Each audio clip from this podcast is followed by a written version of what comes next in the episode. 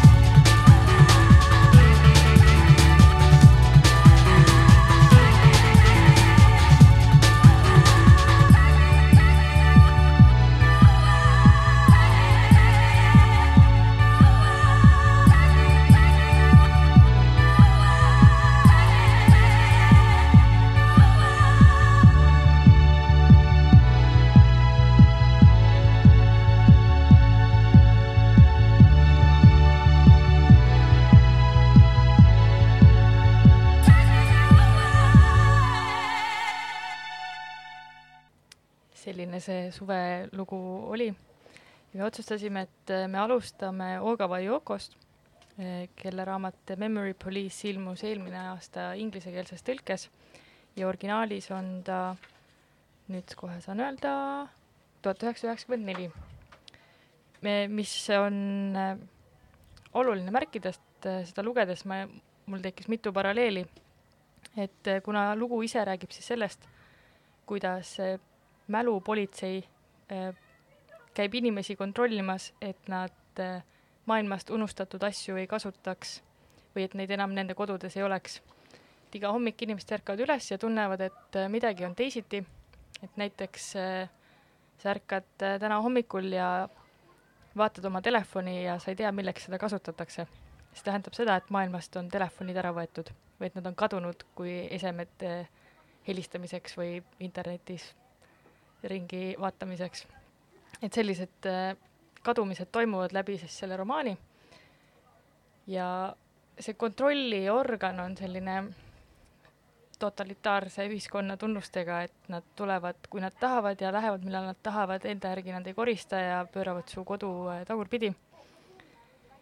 ja miks, miks see tuhat üheksasada üheksakümmend neli siis oluline oli, et ma tahtsin teada, et äh, millised teosed on enne ja millised teosed on äh, hiljem kirjutatud, et Orwell on siis oma teosega tuhat üheksasada kaheksakümmend neli varasem ja näiteks raamatu Varas, Suusaki oma, on siis oluliselt hilisem, kahe tuhandendatest, jään praegu täpse, täpse numbri võlgu, aga et seal oli nii palju neid ühiseid jooni, et keegi peidab kedagi, kelle mälu ei kao nii nagu teistel inimestel, siis mingeid inimesi avastatakse, loo keskel, see on nüüd, kui keegi ei taha kuulata ja plaanib seda raamatut kohe lugeda, siis pange praegu kõrvad kinni. et loo keskel siis see mina tegelane, kes on kirjanik, avastab, et maailmast on kadunud romaanid. ehk siis tema elukutse on kadunud ja kõik kirjutatud ajalugu on samuti kadunud. ja Eh, raamatu varas siis tegeleb sama, sama temaatikaga, et eh, põletatakse suures hulgas raamatuid, mis juhtub ka siis selles romaanis eh, Memory Police'is. et huvitav teos igatpidi, väga teemakohane, et kui siin inimesed lugesid karantiini ajal hoolsasti Orwelli ja Huxley't ja teisi düstoopiaid, siis Memory Police võiks midagi sellist olla, mis läheb sinna sinna nimekirja, aga võib-olla nagu veel, veel äh, räigema stsenaariumiga. et mis saab siis, kui me võtame inimestelt ära selle, mida nad kõige kallimaks peavad. ja sellisel kujul, et nad isegi ei mäleta, et nad seda kalliks pidasid. Mm, ja see romaan ise mm, on kirjutatud väga ilusas kirjakeeles ja nii palju, kui ma olen aru saanud, siis jaapani keeles kirjutab ta veel ilusamalt kahjuks mul puudub pädevus seda läbi tõlkeni noh, hinnata, et kuidas see, kuidas see originaalis on olnud, aga siin on väga palju selliseid jaapanipäraseid väljendeid sees, mida ma olen hakanud märkama romaanides, Jaapani autorite omade, omades, mida on tõlgitud. et kui inimesed vestlevad omavahel, siis tulevad sellised mitte midagi ütlevad vastused nagu kas see tõesti on nii või siis nii on. et see on väga jaapanipärane selline vastus et sa ei saa kunagi jätta vestlusest midagi vastamata, siis on sellised stampvastused, mida sa annad, et, et anda märku inimesele, et sa kuuled teda. Et see, selliseid asju võib siit romaanist välja lugeda küll. ja nagu ma ütlesin, siis see raamatu peategelane on kirjanik ja selle raamatu sees on mingil määral seda tema romaani, mida ta viimati kirjutas. ja selle romaani sisu ja selle romaan, romaanis siis selle romaani sisu, mis on romaanis ja selle romaani enda sisu saavad äh, lõpulehekülgedel kokku, aga kuidas, seda ma ei saa öelda. väga äh, andekalt äh, tehtud ja nagu ma Triinule enne saadet ütlesin, siis äh, mis mulle äh, väga meeldib, on, kui raamat ise on väga sünge, sisuline äh,, kuidagi emotsionaalselt väga raske seedida ja siis ta peab lõpuni seda, seda, seda rasket kivi kaasas kandma või kuidagi suutma selle ära lahendada nii, et lugejal on tunne, et see see etapp sai otsa, et sa võid selle raamatu ära panna, saate juurde tagasi minna, aga ei, ei jää seda tunnet, et et ahah, et kogu see aeg oli, oli see, see keeruline lugu elas sinuga kaasa ja siis lõpuks öeldakse, et ja nüüd nad elasid õnnelikult oma aegade lõpuni ja siis saame edasi minna. mida Jaapani kirjanduses ka päris tihti tehakse kahjuks. me kunagi rääkisime siin sellest äh, rändava kassi kroonikast, siis seal juhtus täpselt nii, kohutavalt häiris. et selline nunnu lõpp äh, väga raskele loole ehm,. ma ei teagi, kas ma oskan midagi selle raamatu kohta rohkem öelda, nii et ma ei rikuks ära äh, potentsiaalsele lugejale selle sisu. et ma saan Triinule praegult näidata siin seda kaanekujundust et siin on äh, peal üks naisterahvas, kellel on justkui osad tükid äh, kehast joonistatud. poole raamatu pealt ma sain aru, et see on täiesti geniaalne kujundus, see on täpselt see, kuidas see raamat hakkab toimima, et seal on mingi tükk, mis võetakse ära ja seda ei antagi sulle kunagi tagasi. kõlab väga intrigeerivalt. ma saan seda raamatut kohe ise ka lugema hakata nüüd Elisa sellele ka lõpule jõudis. ja see raamat jõudis täpselt nii värskelt lõpuni, et eh, teel siia saatesse ma rongis eh, lugesin viimased lehed ja ja pean nüüd natuke seedima küll, et natuke liiga vara sellest hetkel rääkida, aga suurepärane lugemine oli. Eh, ja ma enne kommenteerisin, et öeldakse, et Ogava, Ogava kirjutab jaapani keeles ka väga kenasti siis äh, eesti keelde tõlgib äh, jaapani keelt selline tõlkija nagu Margit Juurikas ja tema on tõlkinud tema äh,, kuidas ta eesti keeles oli, kas teenija ja professor, äkki on niimoodi eestikeelne pealkiri. ta tõlkis selle eesti keelde ja ütles, et see tekst oli lihtsalt lust tõlkida, sest et ta tõlkis end justkui ise. et ta oli nii kenasti kirjutatud ja sul oli nii lihtne seda ilusat lauset tuua eesti keelde ümber, sest ta kuidagi tuli tuli ise aga kas sa oled kursis ka, miks äh, on jaapani keelt nii keeruline siis teistes keeltes äh, või noh, seda ilu on siis raske edasi anda?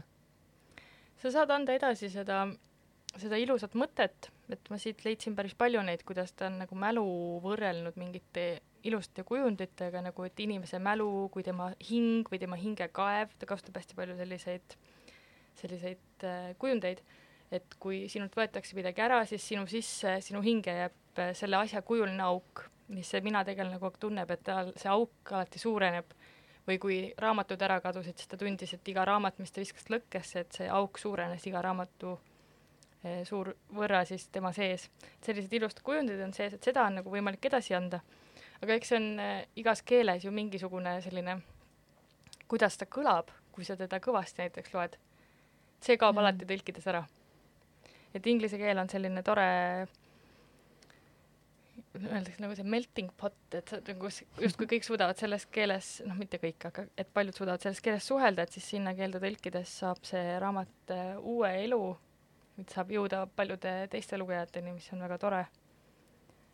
aga et kui on autor, kes äh, originaalis alati kirjutab ainult jaapani keeles, siis me ei saa kunagi seda, seda täit tunnet kätte. jaa, just mõtlen, et kas see, need äh, mm, mul kadusid endal sõnad ära aga see, et jaapani keeles need märgid mm, -hmm. et need pannakse ka nii palju, kui ma sinu õpingute kõrvalt olen aru saanud, siis need äh, ka pannakse nii huvitavalt äh, kokku või noh, et kahest äh, märgist saab järgmine sõna, et kas see mm -hmm. nende nagu see keel, keele siis see struktuur vist äh, mõjutab seda mõtlemist ka teistmoodi, et, äh, et sul on neid äh, seoseid kuidagi lihtsam teha, et, et kui sa juba sõnu moodustad niimoodi, et siis võib-olla lugudes on ka nagu, ma ei oska enda mõtet päris hästi edasi anda. ma arvan, et ma saan aru, mis sa mõtled, et see, et kui sa loo-, loed lugu originaalkeeles, et siis jaapani keeles on meil siis võimalik lugeda kahes erinevas silptähestikus, pluss siis äh, Hiina märgid, mis on Jaapani hääldusega ja kohati ka teiste tähendustega, siis äh, see märgi valik on küll oluline, et äh, autoreid, mida mida meie loeme siis inglise keeles, me ei saa kunagi teada, missugune töö on sinna sisse läinud, et seal on äh, meil on näiteks selline autor, keda on eesti keelde on ka tõlgitud, inglise keelde on, äh, kui ma nüüd ei eksi, siis kõik tema suuremad romaanid tõlgitud Mishima, Mishima Yukio, siis tema kohta ütles üks jaapani keele õpetajatest, et see, milliseid märke ta kasutab, see on see on nii ilus ja nii, keegi teeb mulle selle akna taga mingisuguseid nägusid, ma ei suuda keskenduda. Ühesõnaga, et need, see märgid, mida ta kasutab, see näitab, et ta on arukas kirjanik, noh, et ta kasutab intelligentseid märke. et see, et kuidas sa oma sõnumit edasi annad, see tuleb siis originaalkeeles äh, hästi välja. mina näiteks ei suutnud lugeda neid märke, mis mul su selja tagant siis üritati praegu anda midagi kaks ja kolm ja kõndivad jalad. ja kummaline lugu et ma loodan, et mu mõte tuli edasi, sest et ma yeah. kaotasin vahepeal lõnga jah. aga ma annan äh, sõnajärjes üle Triinule, kelle käes on äh, värske, värske novellikogu. jaa, Eesti novell kaks tuhat kakskümmend. see ilmus küll juba tegelikult aprillis, kui ma õigesti mäletan. ja aga siis meil äh, oli see äh, luku, lukus olemise aeg. Ja võib-olla ei ole inimesed veel poodidesse jõudnud ja seda näinud, aga selline tore asi ilmus ja see on juba kolmas raamat, et äh, siis jah, kolm aastat tagasi tuli esimene novellikogu välja ja siis nad plaanisid või noh, plaanivad siiamaani mm -hmm. seda välja anda äh, sada aastat, nüüd on siis üheksakümmend seitse aastat veel minna mm. -hmm. ja aga siia kogusse on äh, valitud novellid, mis on ilmunud juba äh, kas Vikerkaares või Loomingus. ja need, kes, kes neid väljaandeid pidevalt loevad et siis ei ole midagi uut siin, aga kes neid kogu aeg ei loe, siis siin novellikogus on väga tore valik. samas on see, et, et noh, kõike ei jõuagi lugeda tõenäoliselt ajakirjadest mm -hmm. ja siis keegi on sinu jaoks valinud välja selle koore no Eesti novellide koore, koorekihi ja just ja siin on väga erinevaid lugusid, nii, noh, need teemad on täiesti seinast seina. esimene lugu, mis eh, mind kohe väga haaras ja mis pani mind seda äh, raamatut edasi lugema, oli Urmas Vadi Kääbus siga. kui ma seda lugesin, siis mul pisarad voolasid eh, õnnest või naerust see oli nii hästi kirjutatud. Polnud ammu nii palju naerda saanud. aga autorid on tõesti siin väga head koos. minu jaoks siis jah, osad on nagu väga tuntud, teised on natukene sellised mm, varjus olnud võib-olla, kui nii öelda. aga mõt-, üks väga vinge lugu oli ka mm, siin, siin, siin, oota, mis see pealkiri oli ah,, Läti lipp, mille oli kirjutanud Maarja Kangro. seda, noh, nime juba nähes ma arvasin, et, et sealt on mingi hea asi ka tulemas.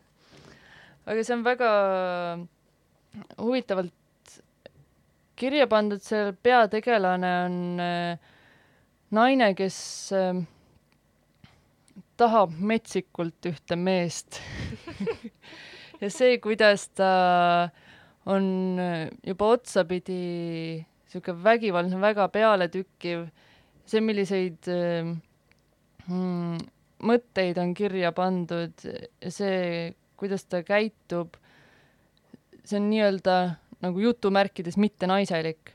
et ta on just sellega hästi mänginud, et sellist käitumist oodatakse tihtilugu just võib-olla meestelt, aga et see on on nagu pandud äh, siis naine neid äh, samu asju tegema, siis see kohe paneb äh, enda peas ka need äh, mingid mõtted tööle, et oot-oot, miks ma või nagu kuidas ma sellesse naisse, sellesse naisesse suhestun või äh, miks mul mingid eelarvamused on ja no et see, see nagu on väga sügav äh, lugu selles mõttes, et sa saad aru, mis ühiskonnas, millised äh, stambid meil on mm -hmm. ja kuidas me mõtleme nendest asjadest. aga see on, see oli ka väga raju nagu lugemine, jah. Siis ma mõtlen, mis siin äh, ikka no kõik on head ei saagi, kui hakata kõigist midagi rääkima, siis äh, võib siin äh, see jutt päris pikaks minna, sest siin on kokku neid seitseteist lausa mm. -hmm ja sa võid äkki öelda, kes selle, kes need valisid? peaks kohe alguses olema. ja, ja äh, Made Luiga, Kajar Pruul, Johanna Ross ja Urmas Vadi on äh, siis need valinud siia. Üks äh, märkus veel, et siin raamatu lõpus on ka kõikide autorite kohta väike tutvustus ja need tutvustused on ka ääretult toredad, need ei ole nagu Vikipeedia artiklid, niisugused tuimad ja kuivad, vaid neisse on äh, pandud seda päris inimest sisse. et kui sa seda autorit isiklikult ei tea, siis sul ikka väga niisugune äh, hea pilt on nagu ette maalitud, et milline tema karakter on või kuidas ta käitub, kuidas ta ennast üleval hoiab, kuidas riides käib no kõigi kohta on niisugused väiksed nüansid, aga väga täpselt kirja pandud. kas sa äkki loed äh, mõne ette? vaatame siit. no kui me juba Maarja Kangrust rääkisime, siis äh, mm -hmm. ma võin tema siit selle tutvustuse ette ka lugeda.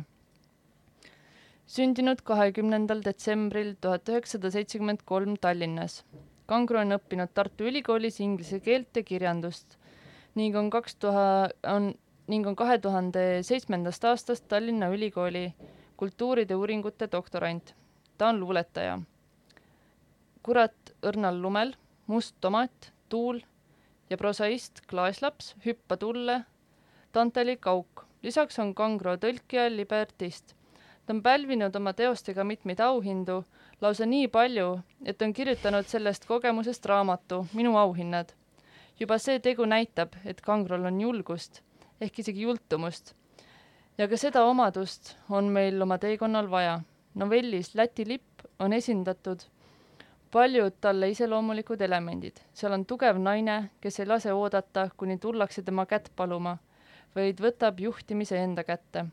selles loos ei varjata naise seksuaalsust ja ihasid kangrole omaselt kaldutakse vägivaldsusele. aga mis peamine, tegevus toimub Lätis. me teame, et meie lõunanaabrid on selle hirmsa viirusega palju paremini hakkama saanud kui meie. me vajame nende teadmisi, seega kui kangrol on juba loodud suhted Läti ja Läti meestega, siis on ta meie operatiivüksuses lausa asendamatu. Aga see mind, kui natukene nuriseda siis äh, kõik need äh, tutvustused on meil selle viirusega kuidagi nagu seotud, siis ma mõtlesin, et kas see tõesti on nagu vajalik. aga samas jälle teisest küljest, et okei okay,, see on kaks tuhat kakskümmend, see on jah. see on midagi, mis iseloomustab seda aastat. jah, iseloomustab seda aastat meil. et võib-olla siis nagu võiks olla ka. see tähendab jah. seda, et äh, mis eriolukord algas meil kolmteist märts ja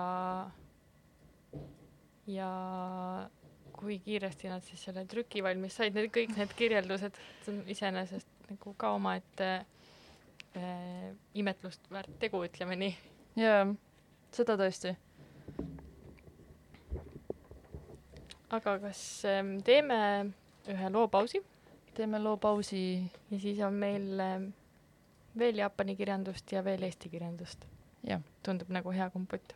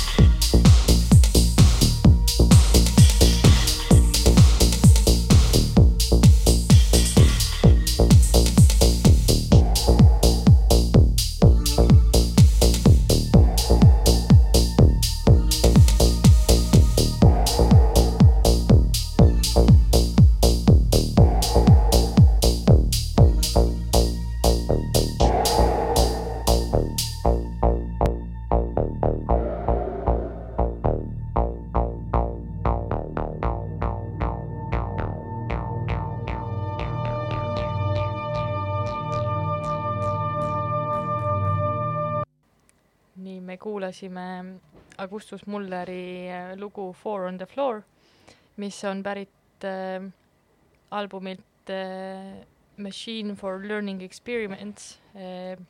ehk siis Augustus Muller on äh, üks äh, pool äh, Boy Husherist ja talle esitati siis selline palve teha soundtrack äh, täiskasvanute filmile või filmidele. minu arust oli kaks filmi, lühifilmid. Ja kogu see album on lihtsalt suurepärane. et äh, tahtsin teiega seda jagada, et kui teile meeldib Boy Harsher, siis kindlasti teile meeldib ka see Augustus Mulleri sooloalbum. nüüd siin natuke tumedamast muusika, muusikast ka tumedamate lugude juurde. mul on käes raamat Vangerdused, millele on tekstid kirjutanud Jan Kaus, aga nende tekstide jaoks on inspiratsiooni ammutatud siis Pärnu Naiste Tugikeskuse eh, naiste lugudest, kes on siis perevägivalla tõttu seal varjus olnud või abi siis saamas. selline raske, äh, kurb, masendav äh, teema, aga see raamat ei ole üldse mitte seda. siin need, äh, siin on päris mitmed lood, need on hästi lühikesed miniatuurid. Nendel juttudel on raske on, raske on kirjeldada seda, sest need on nii oskuslikult kirja pandud. Jan Kaus on teinud väga head tööd. Äh, need tunduvad äh, kuidagi, kuidagi muinasjutulikud. aga see, see nagu teeb ka liiga sellele, sellele tekstile, kui ma niimoodi ütlen. minu arust Jan Kaus ise ütles ka seda mm., et need on äh, ma otsin selle tsitaadi välja sa võid edasi rääkida. ja neil on nagu väga hästi selline tuum ära tabatud, et sa, sa tunned seda, seda mingisugust ängi selles, aga samas see on nii jabur, et sa mõtled, kuidas üldse sellised inimesed saavad olemas olla. ja siis see jälle omakorda paneb mõtlema, et need on ju päris lugude põhjal kirjutatud. ja ikka väga, väga suuri küsimärke tekitav, kust sellised inimesed üldse tulevad ja kuidas see kõik on võimalik. ja kas sa leidsid selle? jaa ja., eh, Jan Kaus äh, ise ütles, et sama, mis sina ütlesid, et nad on ammutanud inspiratsiooni naiste lugudest keskne teema on koduvägivald ning tulemuseks on luupainajalikud muinasjutud. jah, luupainajalik on vist päris õige sõna. Aga need, kui neid lugeda, siis samas äh, nagu liiga, liiga masendavaks ei la-, ei lasta seda. ma mõtlesin, et selle jaoks, et äh, aimdus saada mis stiilis need kirjutatud on, et ma pean lihtsalt äh, ette lugema ühe äh, loo. sest et ükskõik, mida ma ütlen, siis tekib, mul on tunne, et mingisugune teistsugune pilt nii äh,. just nüüd kaotasin selle ära. tahtsin ühte konkreetset, nii mm. -hmm. oli üks mees, kellele meeldis öelda olgu, mis on, aga kord olgu majas mees uskus, et inimesed ongi loodud maailma selleks, et selles kord majja lüüa. loodus on ju jube segadus ja risu. piisab sellest, kui minna põlismetsa ja vaadata seal valitsevat kaost. Seetõttu polnud midagi imestada, et mees tahtis ka oma kodus korda näha. mees uskus, et tema kodu on nagu kindlus, korrakants, mis on mõeldud pidama vastu kaootilise maailma rünnakutele. tõsi, koristada talle ei meeldinud aga selleks olidki naine ja lapsed. kodus olid asjad mehe meelest korras. tema andis korraldusi, ülejäänud perekond täitis neid. mehele polnud miski tähtsam kui pere valmisolek korra nimel kaosega võidelda. Mees pidas isegi vajalikuks kodus regulaarse, regulaarset segadust tekitada, et jälgida, kui kiiresti pereliikmed korra taastavad. mõnikord viskas ta võipaki maha, mõnikord tõmbas külmutuskapi seinast välja, mõnikord surus vetsupaberirulli potti ja tõmbas korduvalt vett peale. seejärel andis ta naisele või lastele selge käsu, et need tekkinud segaduse likvideeriksid. mehe meelest oli tore vaadata, kuidas abikaasa või järglased ennast salgava kiirusega korda taastasid. mees tundis ennast peaaegu pedagoogina. mõnikord kutsus mees külla oma sõbrad. Nad viskasid triikraua läbi aknaklaasi või kallasid moosi pesumasinasse, avasid seejärel viinapudeli ja asusid jälgima, kui osavalt või oskamatult perekond probleeme lahendab. mõnikord kasutas mees igavuse peletamiseks stopperit mehe vanem poeg sai väga häid aegu, mistõttu mõtles mees pojale autasusid välja. näiteks sai poiss loa sõidutada meest lähimasse poodi viina järele. poiss juhtis autot päris osavalt ning kui ta mõnd liikluseeskirja rikkus, sai ta isalt vaid korralekutsuva võmmu kuklasse. ükskord mindi jälle viina järele. mees ronis autost välja, käis poes ära ja otsustas teha nurga taga esimese mõtteid korrastava klõmaka kuidagi läks nii, et mees jõi kavandatust rohkem ja jäi poenurga taha tukkuma. kui ta ärkas, oli pudel tühi ja ümberringi vaikne. mees koperdas parkimisplatsile ja nägi, et poisiraisk oli autoga plehku pannud. siis pani mees tähele, et platsil pole tegelikult ühtegi autot. mees hakkas läbi tühja linna kodu poole kõmpima. kodus polnud samuti kedagi. mees võttis telefoni ja helistas sõpradele ükski semu ei vastanud. nädala jooksul sai mehele selgeks, et ta on täiesti üksi jäänud. siis läks elekter ära. mees keeras uksed lukku ja tõmbas kardinad tihedalt akende ette. aasta hiljem oli selge, et loodus hakkab maailma üle võtma. kaos tungib peale ja ühe mehega pole siin midagi peale hakata mm. -hmm. luupainajalik muinasjutt. jah. päris karm tegelikult et selles suhtes on see, kui nüüd mõelda, et see on inspiratsiooni saanud kellegi loost, siis äraütlemata kurb lugu. jah. ja need Flo Kasearu pildid, illustratsioonid, mis on siin äh, juttude vahele põimitud, on äh, ka väga-väga hästi tehtud nendes nad ei ole seotud otseselt nende lugudega, aga nad annavad edasi seda õudu, mis äh, kodus valitseb ja, ja mis tund-, tundeid siis need naised on pidanud äh, tundma või siis ka taluma. Need on äh, väga oskuslikud, ma siin, ma ei tea, kas sa oled vaadanud neid lähemalt? ei ole ausalt öeldes, aga kui neid järjest hakata noh, kui võtta, et lugeda nagu neid jutte ja siis järgmine kord võtta ette ainult pildid mm, -hmm. siis neis on äh, nii palju sügavust on nendes piltides mm. -hmm. Nad on küll äh, äh, minimalistlikud, aga vähest, suhteliselt väheste joontega, aga sa-, no sama täpsed kui jutud isegi.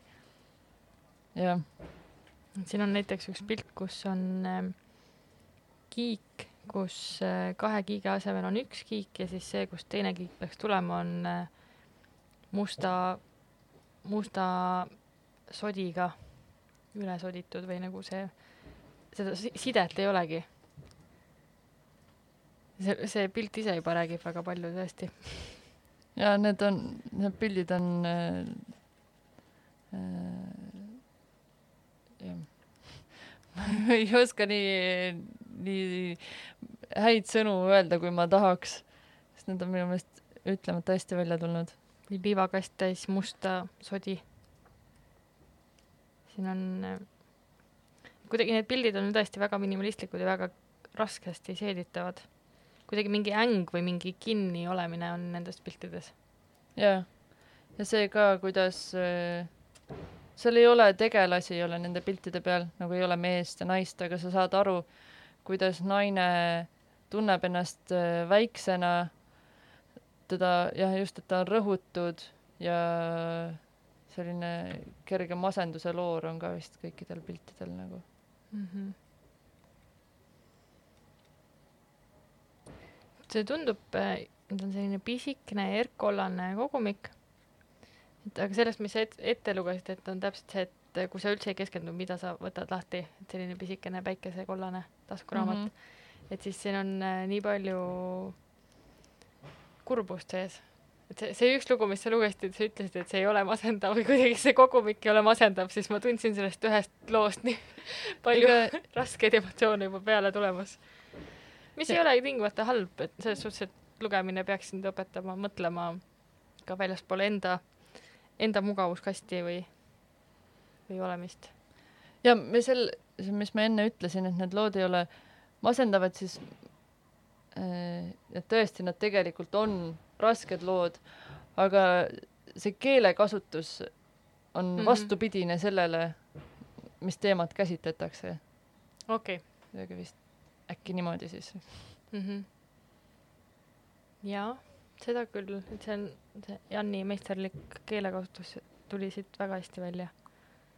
ja kuidagi tal on oskus teha küll raskest loost justkui nagu hästi voolav tekst. kui sa jah, mõtlesid ka seda mm? -hmm ma kindlasti võtan selle kogumiku ette. vahepeal tulid teised asjad nagu see Memory Police. aga teate mul, mis ma enne, sa ütlesid, et ühtegi tegelast ei ole siin piltide peal ja ma tahtsin enne seda öelda, aga ma täiesti unustasin, rongis mõtlesin selle peale, et selle Memory Police'iga, millest me alustasime täna, ühelgi tegelasel seal ei ole nime. et see kuidagi, see ärakaduv maailm on nagu nimetu või kuidagi et mis ei tee seda kaugeks, sest et kõik need tegelased, kelle, kellega sa seda lugu kaasas käid, et muutuvad sulle hästi kalliks, aga et peategelane on siis mina, see mees, keda ta peidab, tema nimi on R ja siis eh, tema nagu kõige lähedasem inimene on vana mees. noh, kes aitab teda siis, aga ühtegi nime mm. ei ole. kuidagi see, et see õud tuleb ikka ja samamoodi nende piltidega, et sa ei, sa täpselt ei saa aru, aga see on hirmus. jah, see tunne su sees võtab mm -hmm. võimust. Aga see on äh, väga hea koht, kust edasi liikuda. Järgmise õudse raamatu kohta, no et ei ole õudne, aga siin on mingi tabamatu õud kogu aeg sees. Et äh, hetk liiga hilja ma nägin, et Loomingu Raamatukogu peatoimetaja just jalutas siit mööda siit Ida raadio stuudiost. aga meil on äh, värske Loomingu Raamatukogu järgmiseks plaanis rääkida sellest, on siis Tavada Yoko kahtlased kujud öises rongis, mis juba nagu on natukene mingit õudset elementi. et sa täpselt ei saa aru, mis see, mis see õud on. kas tahtsid vangerduste kohta veel midagi lisaks öelda? sul jäi selline küsiv pilk praegu.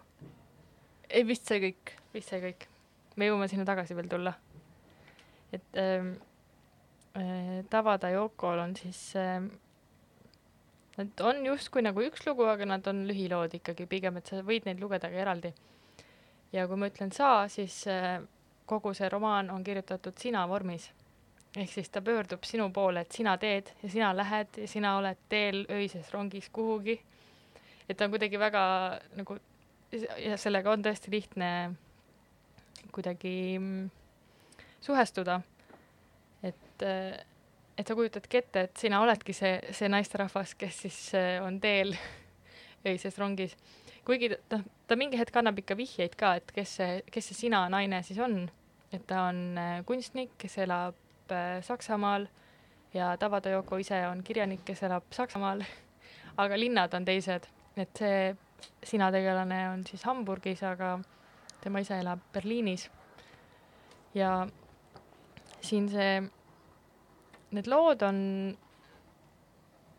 äh, võib-olla ka sarnaselt see vangerdustele, et seal on pidevalt nagu mingisugune tabamatu õud kohal ja samas on see helge ja ta ei, ja võib-olla siis nagu vastupidiselt sellele, et sa tead, et see vangerdused on siis äh, naiste tugikeskusest saanud tõuke, siis äh, Tabada Yoko kogumik on, on kuidagi see hirm, mis sind valdab, kui sa ei tea, mis ees ootab.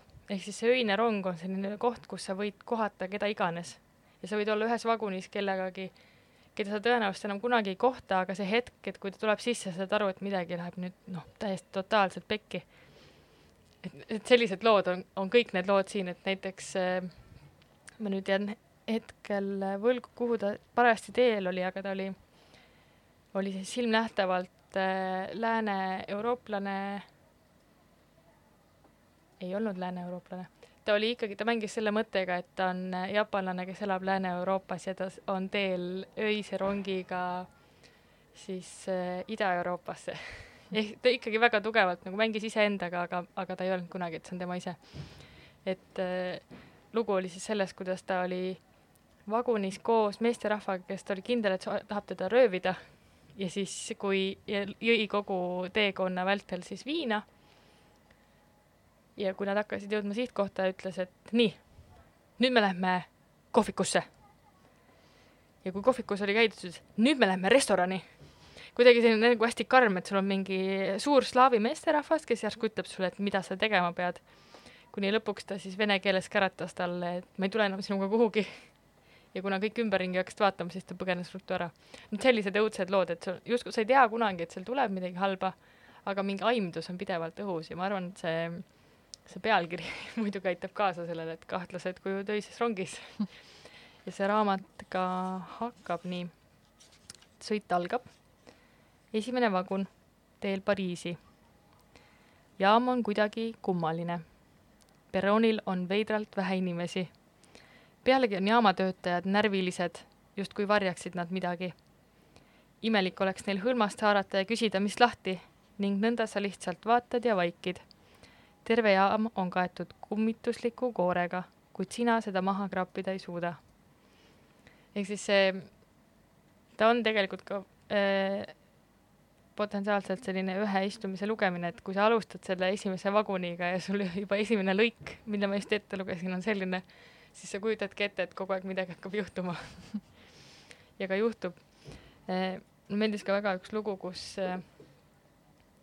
kus äh, tema vastas oli äärmiselt nagu korralik naisterahvas ja ta ei saanud aru, et midagi on pidevalt nagu valesti, kuni ta märkas, et sellel naisterahval äh, on äh, väga pikad äh, hooldamata küüned, ehk siis kõik see hooldatud välimus ei olnud midagi, oli mingi detail, mis oli tegelikult paigast ära.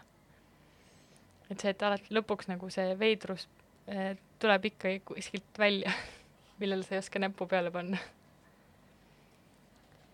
ja selle raamatu tõlkis jaapani keelest Lauri Kitsnik, kelle poolt on ka siis väike saatesõna. Ehm, Tabada Yoko puhul on, ja eesti keeles see ka ei tulnud välja, et kui me enne rääkisime, et jaapani keelest tõlkimine ja kuidas see eh,, kuidas see keele ilu läb, läbi tuleb, siis eh, Tabada Yoko, kui ta elab ise Saksamaal, siis ta kirjutab paralleelselt nii jaapani kui saksa keeles ja tal ongi romaane, mis on siis originaalselt avaldatud saksa keeles ja siis on jaapani keeles. ja ta ise on ka öelnud, et ta ongi selline, ta on kahe keele vahel ja tal on võimalus mõlemas keeles mängida. mis on, mida ma mõt-, mõtlesin korduvalt seda lugedes, et, et nüüd, kui tema kirjutab kahes keeles ja mängib nende sõnade ja tähendustega, siis kui palju mina eesti keeles sellest kätte saan mul ei ole sellele vastust muidugi aga see oli selline tore,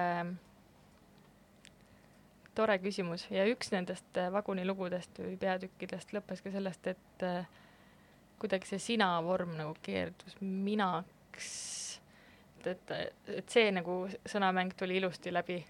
et ma, ma kujutasin millegipärast ette seda saksakeelse sõnamänguna, see tuli mulle esimesena meelde, aga see konkreetne raamat on tegelikult jaapani keeles kirjutatud vot selline, selline lugu. ja siin taga on kirjas ka vast-, võib-olla vastus meie küsimusele siin, et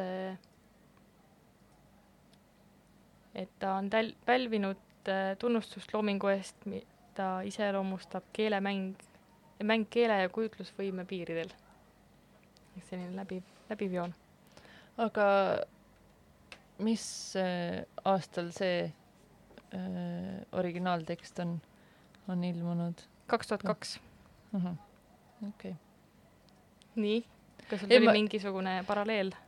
ei, ma lihtsalt mõtlesin, et kas see on äh, uuema, jah, ikka uuema, mõtlesin, kui uus see on, et kas ta on nagu nüüd siin meil mingi lähiaastatest või on äh, seal kaks tuhat algusega, jah. okei okay.. Tabada Yokol on muidu,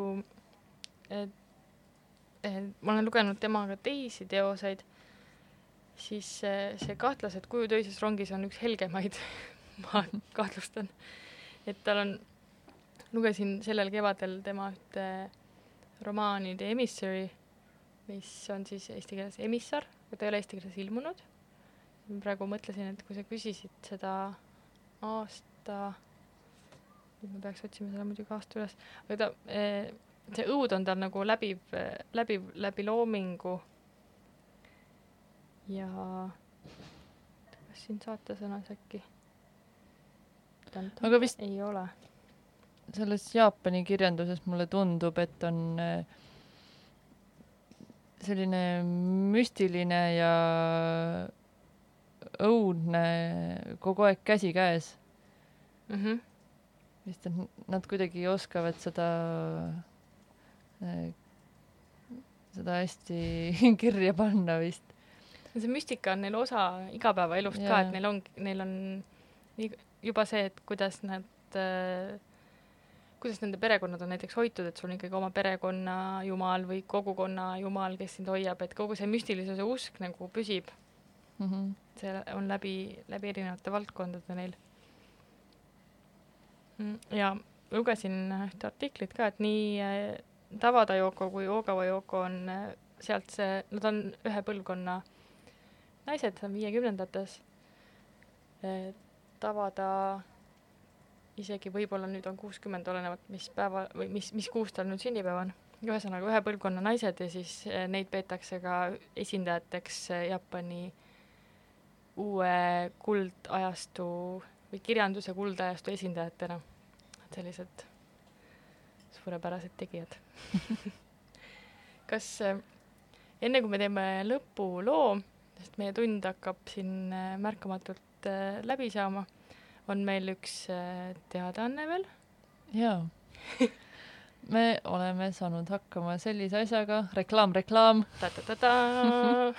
meil on e-pood, jess. aga seda on tegelikult ähm, paljud inimesed oodanud, küsinud, kuna me oleme väike pood äh, ainult Tallinnas, siis ka teised, kes on äh, Tallinnast kaugemal, teistes linnades, saavad siis lõpuks meie, meie valikuga tutvuda. Mhm. ja kaua tehtud kaunikene, et eh, viimased viimistlused veel käivad, aga sellest suhtes saab juba minna vaatama. jaa, üle, üle poole, ei noh, ütleme kaks ja pool kolmest on üleval. jaa, aga siis äh, pant.ee ja seal on meie valik. ja, ja peatse kuulmiseni kuu aja pärast. neljapäeval võib meile tulla külla. kogu info leiate meie Facebookist ja tšau. tšau. Every summer, it's like these freaks get dumber every winter. It's like they brain get thinner every spring. They chasing everything that blings in the fall. Them freaks, they will do it all every summer. It's like these freaks get dumber every winter. It's like they brain get thinner every spring. They chasing everything